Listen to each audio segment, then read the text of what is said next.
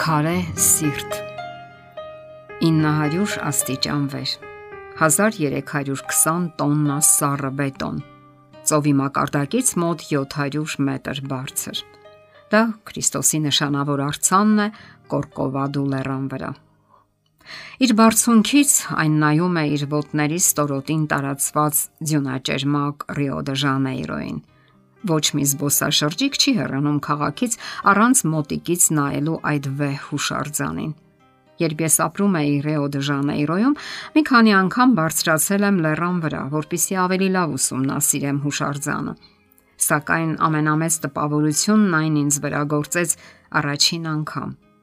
Այդ ժամանակ ես ուսանող էի եւ իմ արձակուրդներն անց էի կացնում Բրազիլիայում։ Եթե չհաշվենք իմ մի քանի կարճատև այցելությունները Մեքսիկա, ապա ես գործնականում առաջին անգամ էի գնացել արտասահման երկար ժամանակով։ Քրիստոսի արցանը ես նախկինում էլ էի տեսել, սակայն միայն բացիկների վրա։ Եվ ահա առաջին անգամ տեսնելով արցանը կապույտ երկնքի ֆոնին, ես եկա այն հետևությանը, որ ոչ մի լուսանկար չի կարող փոխանցել այդ վեհությունը։ Շատ գեղեցիկ է բլուրը, որի վրա հառնում է արցանը։ Նրա ոտքերի տակ տարածվում են Ատլանտյան օվկիանոսի ջրերը, իսկ Ռիո դե Ժանեյրոյի միլիոնավոր բնակիչների ընտանիքների վրա իր ձեռքերն է տարածել Քրիստոսը։ Երբ ես իմ տեսախցիկի օբյեկտիվի միջով նայեցի Քրիստոսի արցանին, ուշադրություն դարձրի երկու հետաքրքիր մանրամասների վրա։ Արցանը աչքեր չուներ, ասես կույր էր։ Ես գիտեմ, թե հիմա ինչ կասեք դուք Բոլոր արցաններն էլ կույր են։ Սակայն իմ տպավորությունն այնպիսին էր, որ քանդակագործը դիտմամբ էր մոռացել աչքերի մասին։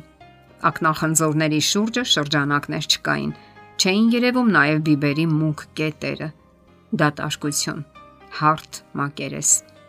Ես իջեցրի տեսախցիկը։ Այսինչ փրկիչ է հանկարծ անցավ մտքովս, եթե նա կույր է։ Այժմ արդեն ես սկսեցի ավելի ուրախadir դիտել արցանը։ Իմ տեսախցիկը սահում էր արցանի դիմագծերի վրայով, դուրս ցցված կզակ ամուր վզի վրա։ Ապա մի ավելի տարօրինակ բան տեսա։ Հակոստի վրա սիրտ էր։ Քարե սիրտ։ Այս խորհրդանիշը ցնցեց ինձ։ Այսպիսի փրկիչ քարե սրտով Սիրտ, որ լի է ոչ թե սիրով ու կարեկցանքով, այլ մետաղով ու բետոնով, առանց աչքերի ու քարե սրտով Աստված։ Երկար ժամանակ ես այս տեսարանի տպավորության տակ էի։ Փորձում էի հասկանալ այն, ինչ բացահայտել է ինձ համար։ Եվ մի օր ստացա իմ հարցի պատասխանը։ Նա հենց այն տերն է, որին գիտի մարդկանց բավականին զգալի հատվածը։ Դժվար է հավատալ դրան, Սակայն, եթե ավելի ուրախadir ես նայում, ոմանց համար Հիսուսը հրաշագործ է, այնպիսի մեկը, ով երջանկություն է բերում։ Նա թալիսման է, որ սովորաբար կրում են կրծքի վրա։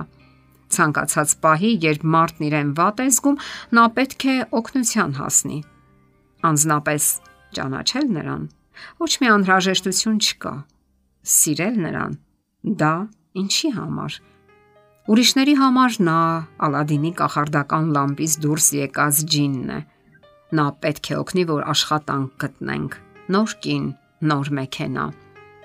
Ինքնստինքյան ենթադրվում է, որ մեր ցանկությունն էլ հենց նրա կամքն է։ Իր պարտքը կատարելուց հետո նա կարող է հեռանալ եւ մտնել իր լամպը։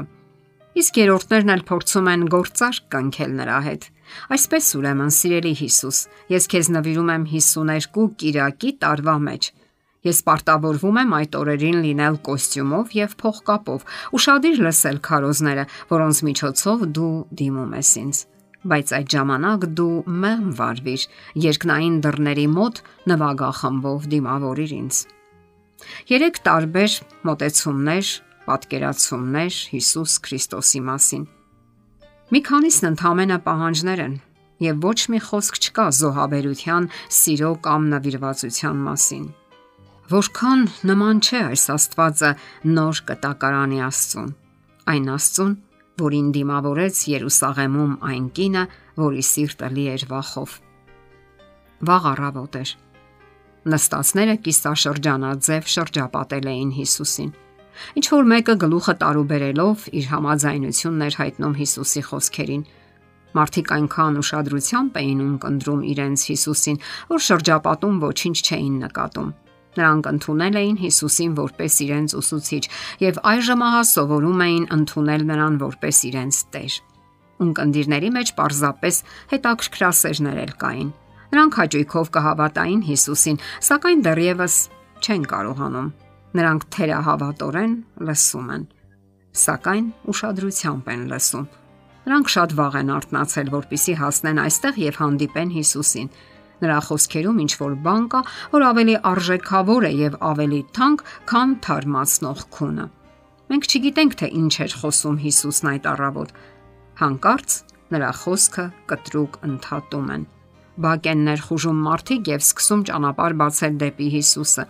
Այդ մարդիկ փարիսեցիներն են, ժողովարանի ավակները։ Քաղաքի մի քանի երևելի այրեր։ Նրանց մեջտեղում վախից դողացող մի կին է։ Հակուստը հազիվ է ծածկում նրա մարմինը։ Նրան բռնել են շնության մեջ։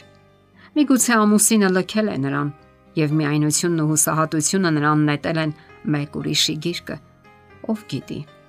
Երկու տղամարդ, ովքեր երիտասարդ կնոջ հոր հասակին կլինեին, քաշքշելով հրաապարակի կենտրոն բերեցին նրան։ Հետաքրքրասեր հարևանները կախվեցին պատուհաններից։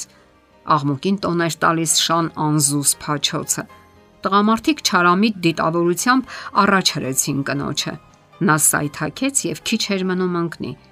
Հիմա նա կանգնած էր Հիսուսի առաջ։ Այս ամպիտան կնոջը մենք բռնել ենք շնության պահին, հանցագործության վայրում, Հազիվ զսպելով իրենց զգացմունքները, բարձր բղավեցին թափորն առաջնորդողները։ Օրենքում ասվում է, որ այսպիսի կանանց հարկավոր է քարկոծել։ Իսկ դու ինչ ես ասում։ Նրանց դեմքերին չարախնդություն գծագրվեց։ Նրանք սպասում էին, որ Հիսուսն անպայման կընկնի իրենց պատրաստած ծուղակը։ Հուսահատ դժբախտ կինը սատարում ու կարեկցանքեր որոնում մարդկանց դեմքերին։ Իզուր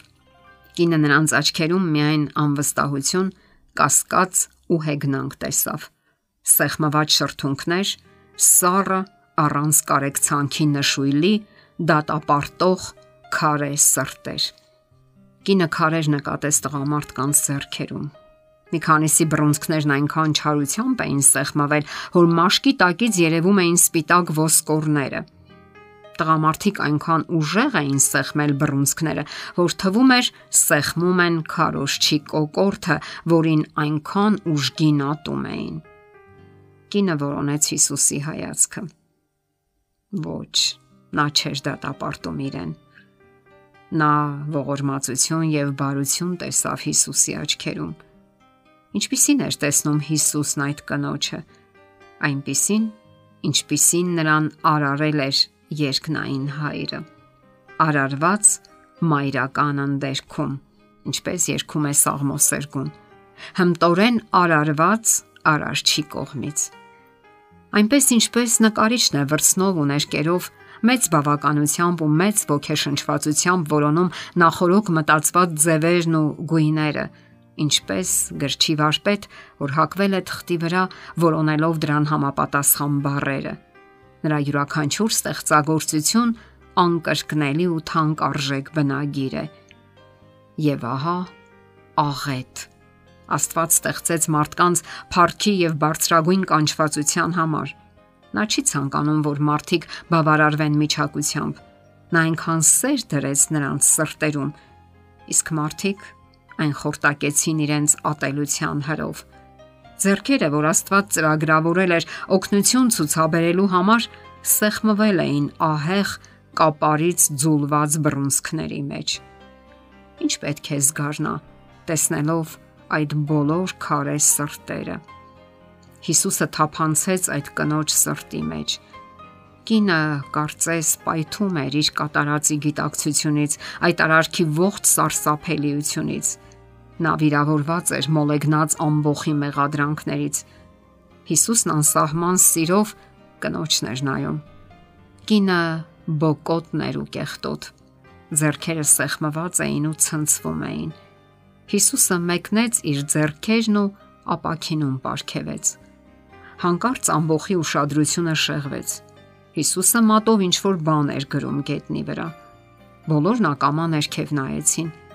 Կինը թեթևությամբ տեսավ, որ մարդիկ հեռացրին իրենից հայացքները։ Մեղադրողները համառում էին. «Ասա ուսուցիչ, քո կարծիքով ինչ պետք է անենք այս կնոջ հետ»։ Հիսուսը կարող էր նրանց հարցնել. Ինչու դուք տղամարդուն էլ այստեղ չբերեցիք, օրենքը նրան էլ է դատապարտում։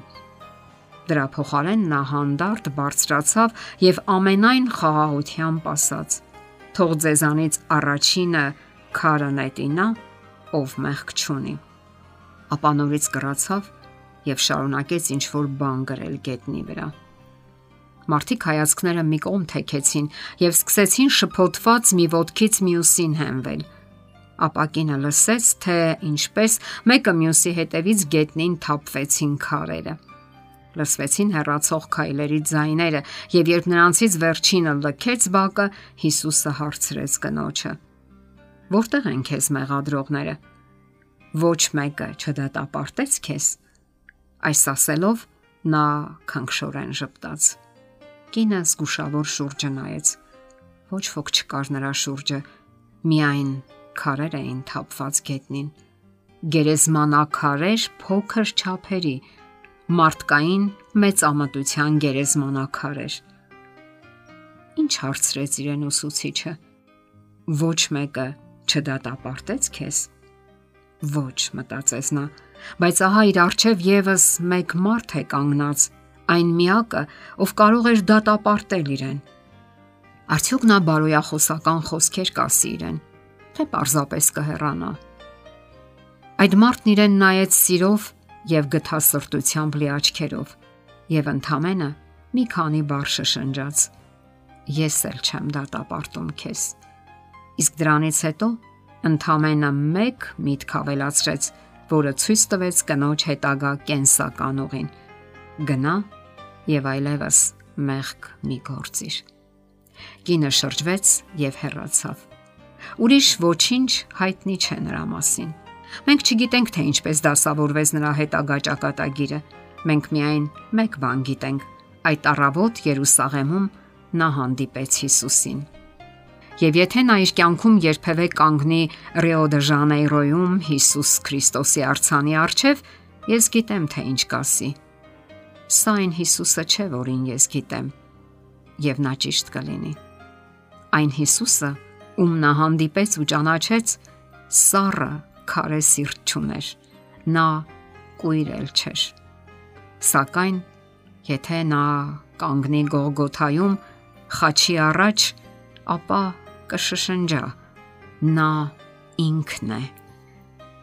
Նա կճանաչի Հիսուսի ձեռքերը, միակ ձեռքերը, որ այդ առավոտ բռունցքի մեջ քարեր չէին սեղմել։ Նա կճանաչի նաև նրա ձայնը։ Ճիշտ է, այն խուլ ու թույլ կլինի, սակայն նույնը կլինեն բարերը։ Հայր, ներիր նրան։ Կինը կճանաչի նրա աչքերը։ Միթե հնարավոր է մոռանալ այդ աչքերը,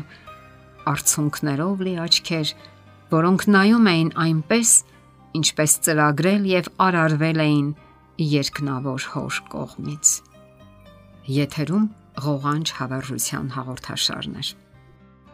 Հարցերի եւ առաջարկությունների համար զանգահարել 033 87 87 87 հեռախոսահամարով։